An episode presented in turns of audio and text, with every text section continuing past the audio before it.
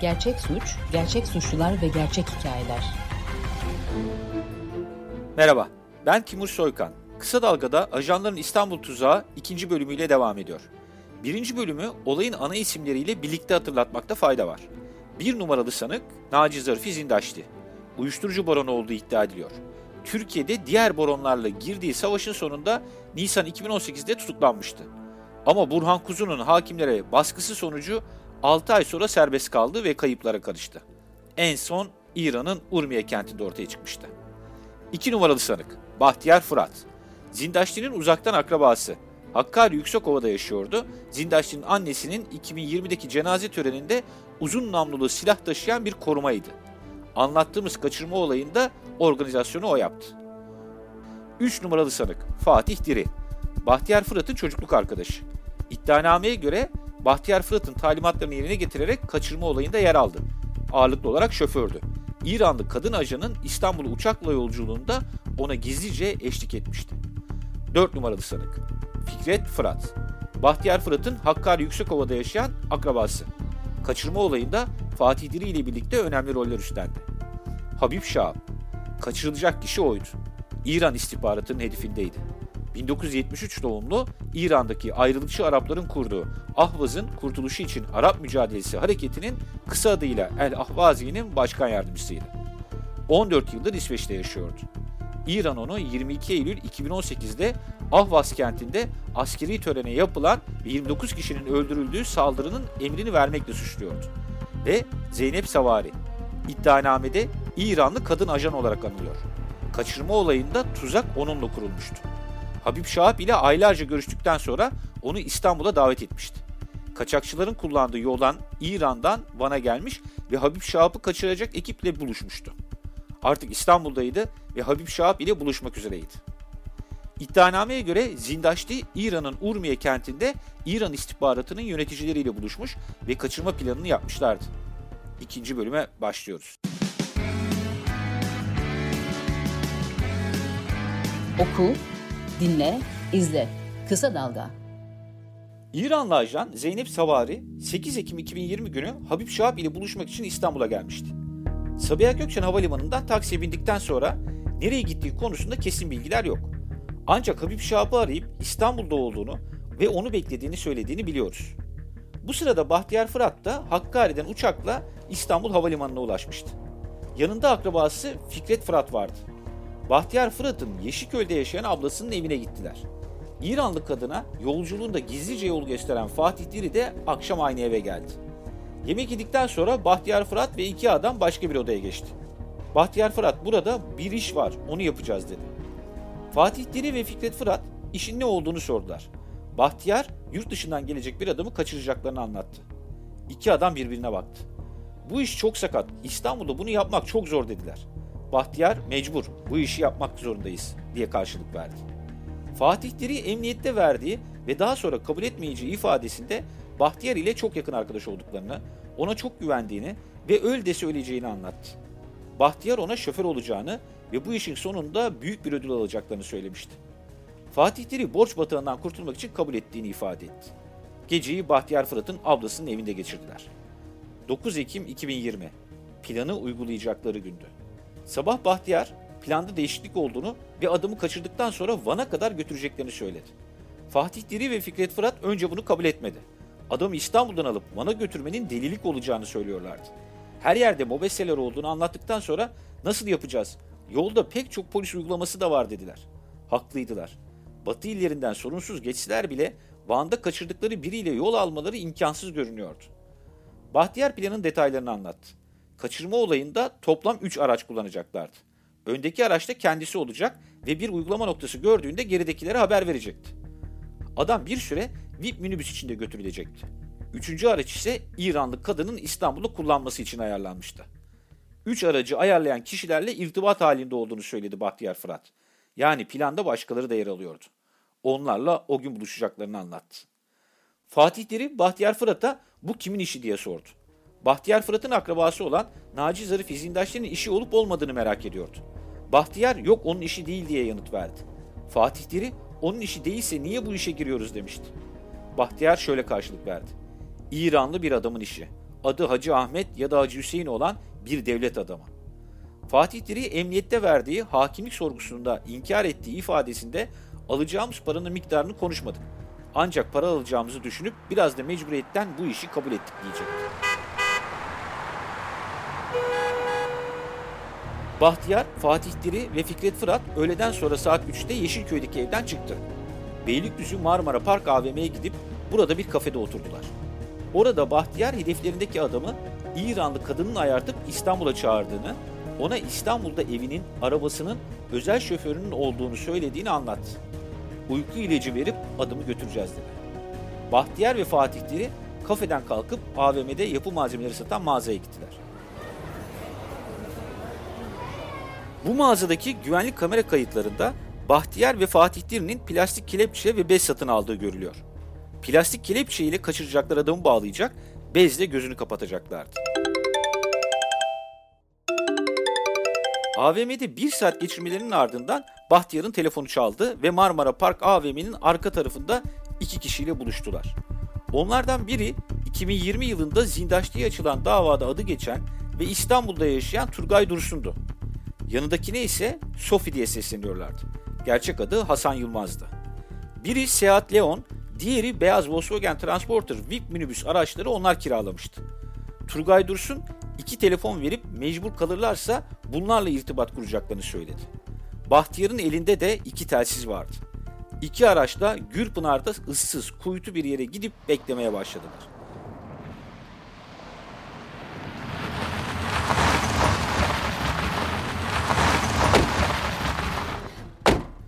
Bir süre sonra koyu renkli bir BMW yanlarına geldi. Otomobilden şoför koltuğundaki bir erkekle İranlı gizemli kadın inmişti. Şapka ve gözlük takan şoför yüzünü cerrahi maske ile kapatmıştı. Bu adam ve İranlı kadın beyaz transporter araca geçti. O araçtaki Bahtiyar ve Turgay Dursun ise BMW'ye binmişti. Beyaz minibüs hemen uzaklaştı.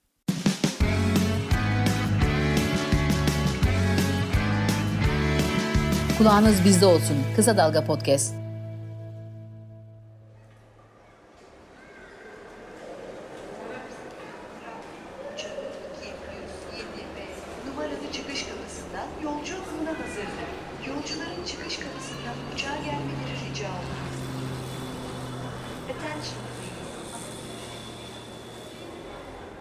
Bu sırada hedeflerindeki İsveç vatandaşı olan İranlı Habib Şahap'ın Stockholm'dan kalkan uçağı İstanbul Sabiha Gökçen Havalimanı'na inmişti. 9 Ekim 2020 günü akşam saat 8 sıralarında havalimanından çıkarken cep telefonuyla konuşuyordu ve bir taksiye bindi. İstanbul'un en doğusundaki havalimanından en batıdaki Beylikdüzü'ne gidecekti. Taksi şoförünün ifadesine göre Türkçe bilmeyen adam elinde bulunan kağıdı göstermişti ve üzerinde Ramada havuz yazıyordu.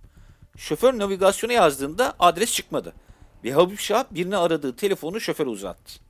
Aksanlı Türkçe konuşan telefondaki şahıs Beylikdüzü'nde TÜYAP'ın yanındaki McDonald's'a getir. En hızlı yoldan gel demişti. Kuzey Marmara otoyolundan ilerlerken yolcunun sürekli telefonda konuştuğunu anlatan taksici ifadesine şöyle devam etti. Arabanın tekerleği indiği ve silecek arızalandığı için iki kez akaryakıt istasyonunda durdum. Yolcu telefonda konuştuğu kişiyi bana da verdi. Bu kişi neredesin, nerede kaldınız diye sürekli soruyordu. Adresi bulamadım ama oraya yakın Shell benzin istasyonunda durdum. Telefonda konuştuğum kişiye oraya gelmesini söyledim. Yolcunun parası yetmedi. Oradaki simit sarayına gidip geldi. Elinde bir deste para vardı. Ücreti verdi ve valizini bagajdan alıp gitti. Parayı kimden aldığını görmedim. Taksicinin ifadesinden sonra bölgedeki kamera kayıtları incelendi. Habib Şahap'ın buluştuğu kişilerle kaydı yoktu. Ama plakası belirlenen beyaz VIP minibüs akşam karanlığında Gürpınar yönüne giderken görünüyordu. Minibüsün arka koltuğunda İranlı kadın ve Habib Şahap baş başaydı artık. İranlı adam henüz bir tuzağa düştüğünün farkında değildi. Yabancısı olduğu kentte otele gittiklerini zannediyordu. Minibüs Gürpınar'da ıssız yola saptığında şüphelenmiş olmalı.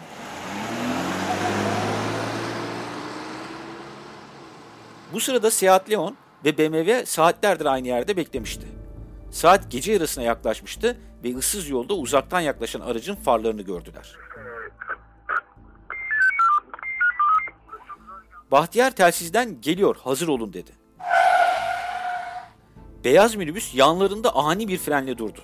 Seat Leon ve BMW'de bekleyen adamlar araçlardan fırlamış ve minibüse doğru koşmuşlardı. Kapısı açılan minibüsten İranlı kadın çığlık atarak panik içinde çıktı.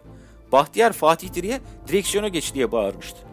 O şoför koltuğuna geçerken diğerleri arka koltukta Arapça bağıran Habib Şahap'ın üzerine çullanmıştı. Hedeflerinin ellerini ve ayaklarını bağladılar. Gözünü bez ile kapatmışlardı. Ancak adam halen direniyordu. Aracın camları perdelerle kaplıydı ve Fatih Diri kapıyı da kapatmıştı. Adama ağzını açmasını söylediler. Adam açmayınca biri korkma korkma uyku bu dedi. Adam verilen ilacı yuttu ve bir süre sonra baygın haldeydi. Habib Şahap tamamen hareketsiz kaldıktan sonra Bahtiyar Fırat ve Turgay Dursun minibüsten inip beyaz Seat Leon otomobile geçti. Bu sırada İranlı kadın ve minibüsü getiren şoför BMW ile gitmişti. Daha sonra yapılan HTS incelemesine göre tüm isimlerin telefonları Gürpınar'daki ıssız bölgeden sinyal veriyordu ve gece yarısından itibaren olayda adı geçen tüm şahısların telefonu aynı anda kapandı. Bahtiyar Fırat telsizden minibüsteki Fatih Diri, Fikret Fırat ve Sofya bana gitmek için harekete geçeceklerini, kendini takip etmelerini söyledi. Habib Şahap arka koltukta elleri, ayakları ve gözü bağlı baygın haldeydi. Elbette kaçırma planının bu kadar sorunsuz işlemesi dikkat çekiyor. Ama asıl soru yol boyunca Türkiye gibi kontrolün eksik olmadığı bir ülkede nasıl amaçlarına ulaşacaklarıydı.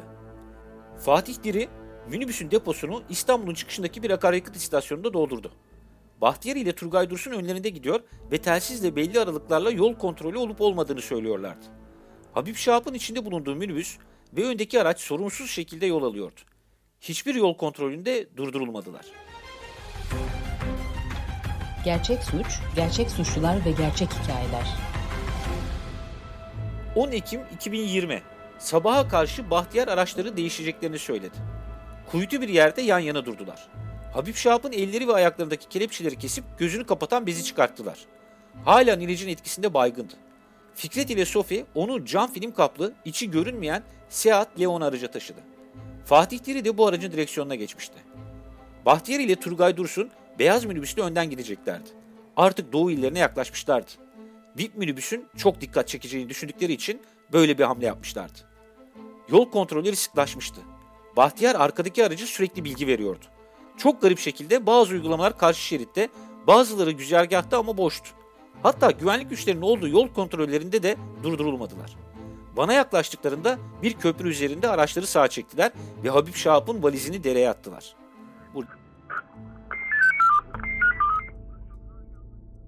Van Erciş'e yaklaştıklarında Bahtiyar telsizden bir aracın daha kendilerine katılacağını söylemişti. Fatih Diri Erciş'in girişine yaklaşırken beyaz minibüsün yanında beyaz Toyota Corolla bir aracın durduğunu gördü. Bana kadar Toyota aracı izleyerek ilerliyorlardı.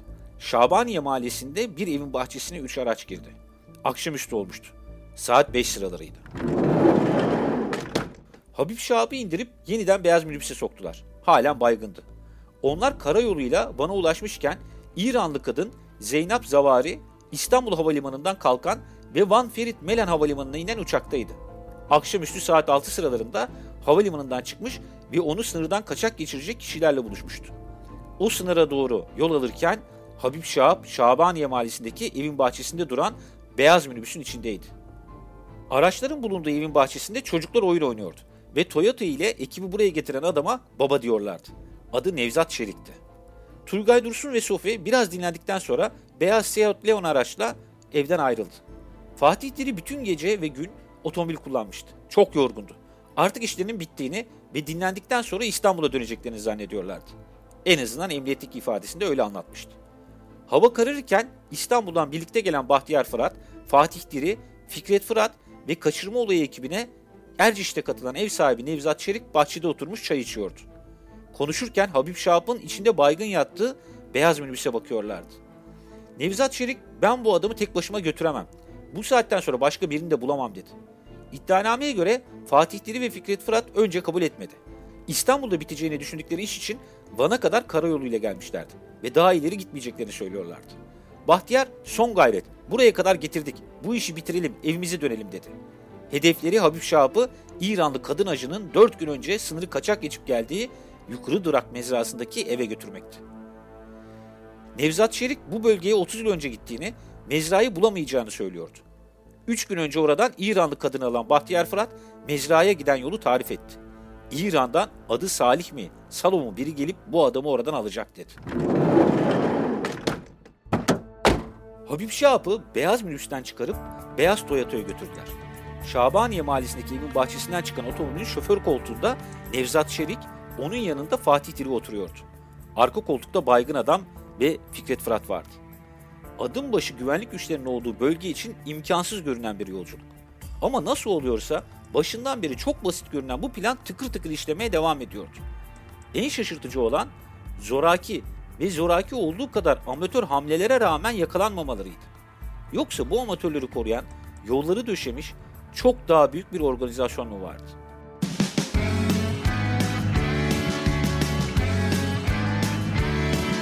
Kulağınız bizde olsun. Kısa Dalga Podcast. Başkale ilçesini geçtikten sonra sürekli tırmandıkları Çorak Dağların arasındaki yoldaydılar. Hava kararmıştı ve insana kaybolduğunu hissettiren bir işlikti. Kilometrelerce tek ışık görünmüyordu. İran devleti için çok değerli esir ayılmaya başlamıştı ve onlar nereye gittiklerini bilmiyordu. Gördükleri her ışığa yaklaşıp adres sordular. Yakalanmamaları onları bile şaşırtmış olmalı. Bir köye ulaştıktan sonra mezraya uzanan toprak yola girdiler. Kapkara Dağın zirvesinde sınır karakolunun ışığı görünüyordu. Onlar ise gizlenmek isterken otomobilin farlarına muhtaçtı. 2000 metreden fazla rakımda uluslararası ajan faaliyeti ıssızlığın içinde parlıyordu. Bir yol kontrolü Stockholm'den İstanbul'a oradan karayolu ile İran'a uzanacak istihbarat operasyonunu bitirebilirdi. Tam sınırda yakalanabilirlerdi. Ama git git bitmeyen yolun sonunda Birket evin önüne ulaştılar. 6 Ekim 2020 gecesi iki adam ve İranlı kadın ajanın kapısını çaldığı eve artık varmışlardı. Kapıyı 50-55 yaşlarında bir kadın açtı. Abdullah'ın evi burası mı diye sordular. Kadın içeriye seslendi. Gelen 60-65 yaşlarında adama senin bizde bir emanetin var dediler. Abdullah Fırat haberim yok diye yanıt verdi. Üç adam bir an önce gitmek istiyordu ve Bahtiyar'ın sözünü aktardılar. Bizi emaneti Abdullah'a bırakın dediler. İran'dan Salih ya da Solo diye biri gelecekmiş. Senden alacakmış. Abdullah Fırat haberim yok ama madem öyle demişler bırakın gidin. Yukarıda karakol var. Bizi görebilirler dedi.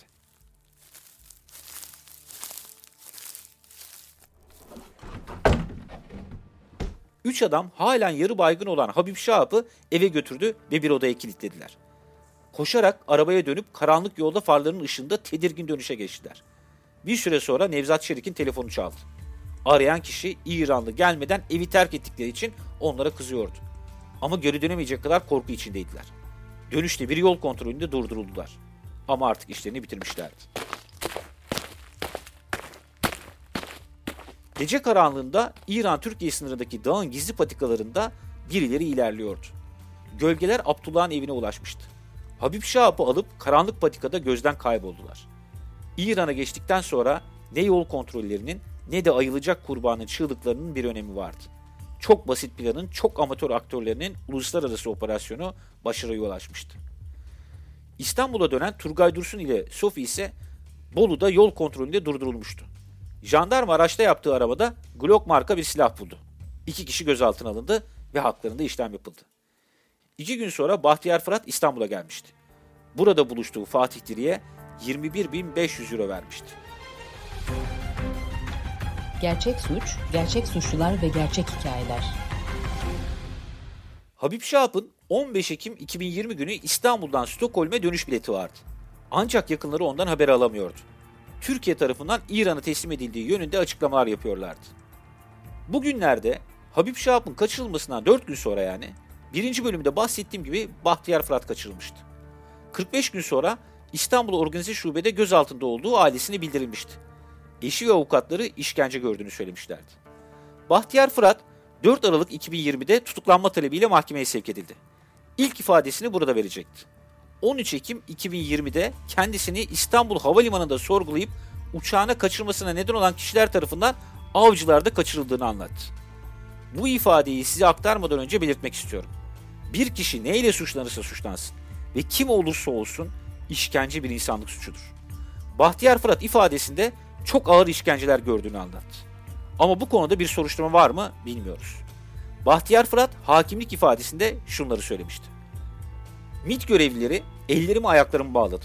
Kafama bez geçirdiler. Beni darp ettiler. 5-6 saat arabayla gittikten sonra bir yere götürüldüm. Kıyafetlerimi çıkarttılar, başka bir şeyler giydirdiler. 7-10 saat kadar ayakta bekletildim. Bir duvara ayaklarım çıplak şekilde bağlandım. 44 gün boyunca orada tutuldum. Türkiye'ye gelen kişinin bilgisini vermemi, Türkiye'den İran'a kaçırılan devlet ajanının kim olduğunu sordular. 25 gün boyunca işkence yaptılar. Ağır işkencelere maruz kaldım. Sırtıma, kalçalarıma asit döktüler. Cinsel organımın olduğu bölgelere job ile vuruldum. Anal bölgeme job soktular. Aynı zamanda cinsel organıma kırbaçla vurdular. Günde en az 10 saat ayakta bekletildim. 25 günün sonunda dayanacak gücüm kalmadı. Ne isterseniz söyleyeceğim dedim. Söylediklerini yazıya geçirdim. 30. günün sonunda sanırım videoya çekildim. Söylediklerini videoda tekrar ettim. Kaçırma olayını Naci Zindaşti'nin organize ettiğini ve Naci Zindaşti'nin adamları olan Ekrem Öztunç ve Nihat Aşan tarafından gerçekleştirildiğini söylememi istediler. İşkencelere dayanamadığım için bu yazıya imza attım.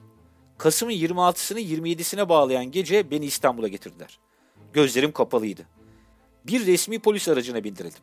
Sanki bir yerde yakalanmışım gibi tutanak düzenlendi. Adli tutanaklar için hastaneye götürüldüm. Sonrası da organize şubeye teslim edildim. Bana anlatılan ihbar mektubu MIT'in zorla bizden aldıkları ifadelerle düzenlenmiştir. Beni alıkoyan kişilerin yüzlerini görmedim. Bana dediler ki bu beyanları kabul etmezsen bir bakmışsın cezaevinde zehirlenmişsin. Dışarıya çıksan bir bakmışsın araba çarpmış sana. Öyle dediler. Beni tehdit ettiler. Bahtiyar Fırat suçlamaları kabul etmedi. Zeynep Savari'nin 2013-2014 yıllarında ortak meyve sebze ticareti yaptığı arkadaşı İranlı Muhammed Savari'nin kız kardeşi olduğunu anlattı. Muhammed Savari'nin kız kardeşini İstanbul'a götürmesini ve eniştesini İstanbul'dan alarak Van'a getirmesini kendisinden rica ettiğini savundu. Muhammed Savari'nin eniştesini Kaya Ramada Otel'den alıp Van'a gittiklerini anlattı. Bahtiyar Fırat, Naci Zırh Zindaşti'nin uzaktan akrabası olduğunu, onun suç örgütüne üye olmadığını söylüyordu. Fatih Diri de 4 Aralık 2020 günü hakimlikteki sorgusunda emniyetteki ifadesini kabul etmedi. Bu ifadenin işkence sonucu alındığını anlattı. Ben 30-35 gün boyunca kim olduklarını bilmediğim kişilerce kaçırıldım. İşkenceye maruz kaldım. Beni ailemle tehdit ettiler. Seni öldürürüz dediler. Emniyette alınan beyanları ben söylemedim. Onlar yazdılar, imzalattılar. Halen de korkuyorum. Başıma neler gelecek bilmiyorum. Ben hiçbir şekilde İsveç'ten gelen kişinin kaçırılması olayında yer almadım. Hiçbir suç örgütüne üye değilim. Diğer sanıklar da suçlamaları kabul etmedi. Bazıları İstanbul-Van yolculuğunu sigara kaçakçılığı için yaptıklarını söyledi. Van'daki şüpheliler İranlı kadına Bahtiyar Fırat'ın misafiri olduğu için yardım ettiklerini anlatmıştı. Burada adı geçen sanıklardan sadece Fikret Fırat yakalanamadı. Zindaşçı zaten yurt dışındaydı. Diğerleri İstanbul'a getirilerek tutuklandı. İddianamede firari olan Zindaşti'nin örgüt kurma, yönetme ve bir kişinin kaçırılmasını azmettirmekten cezalandırılması isteniyor. Bahtiyar Fırat ve Fatih Diri'nin arasında olduğu 12 sanık ise örgüt üyeliği, cebir, tehdit, hille ve silah kullanarak kişiyi hürriyetinden yoksul kılma ve bu suça yardım etmekten yargılanıyor. Suçsuz olduklarını savunuyorlar. Henüz yargı kararını vermedi. İddianamedeki iddiaları ve sanıkların savunmalarını size anlattım. Evet, ajan filmlerine hiç benzemeyen bir istihbarat operasyonu. Büyük tablonun küçük aktörlerin arkasında gizlendiği gerçeğini aklımızda tutmalıyız. Bu soruşturmada büyük aktörlerin peşinden gidildi mi yoksa gizlendiler mi? İki ülke ilişkilerinin söz konusu olduğu yerde her ihtimal vardır. Ama değişmeyen bir gerçek var. Habib Şahap şu an İran'da cezaevinde. Ailesi ve yakınları idam edilmemesi için Avrupa'da kamuoyu oluşturmaya çalışıyor. Son olarak şunu bir kez daha vurgulamak istiyorum. Suçlama ne olursa olsun, suçlanan kişi kim olursa olsun işkence bir insanlık suçudur. Kısa Dalga'da gerçek suç hikayeleri devam edecek. Kısa Dalga podcastleri Demet Bilge Erkasab'ın editörlüğünde Mehmet Özgür Candan'ın post prodüksiyonu ve Esra Baydemir'in hazırladığı görseller ile yayınlanıyor. Kısa Dalga'ya destek vermek için Patreon sayfamızı ziyaret edebilirsiniz.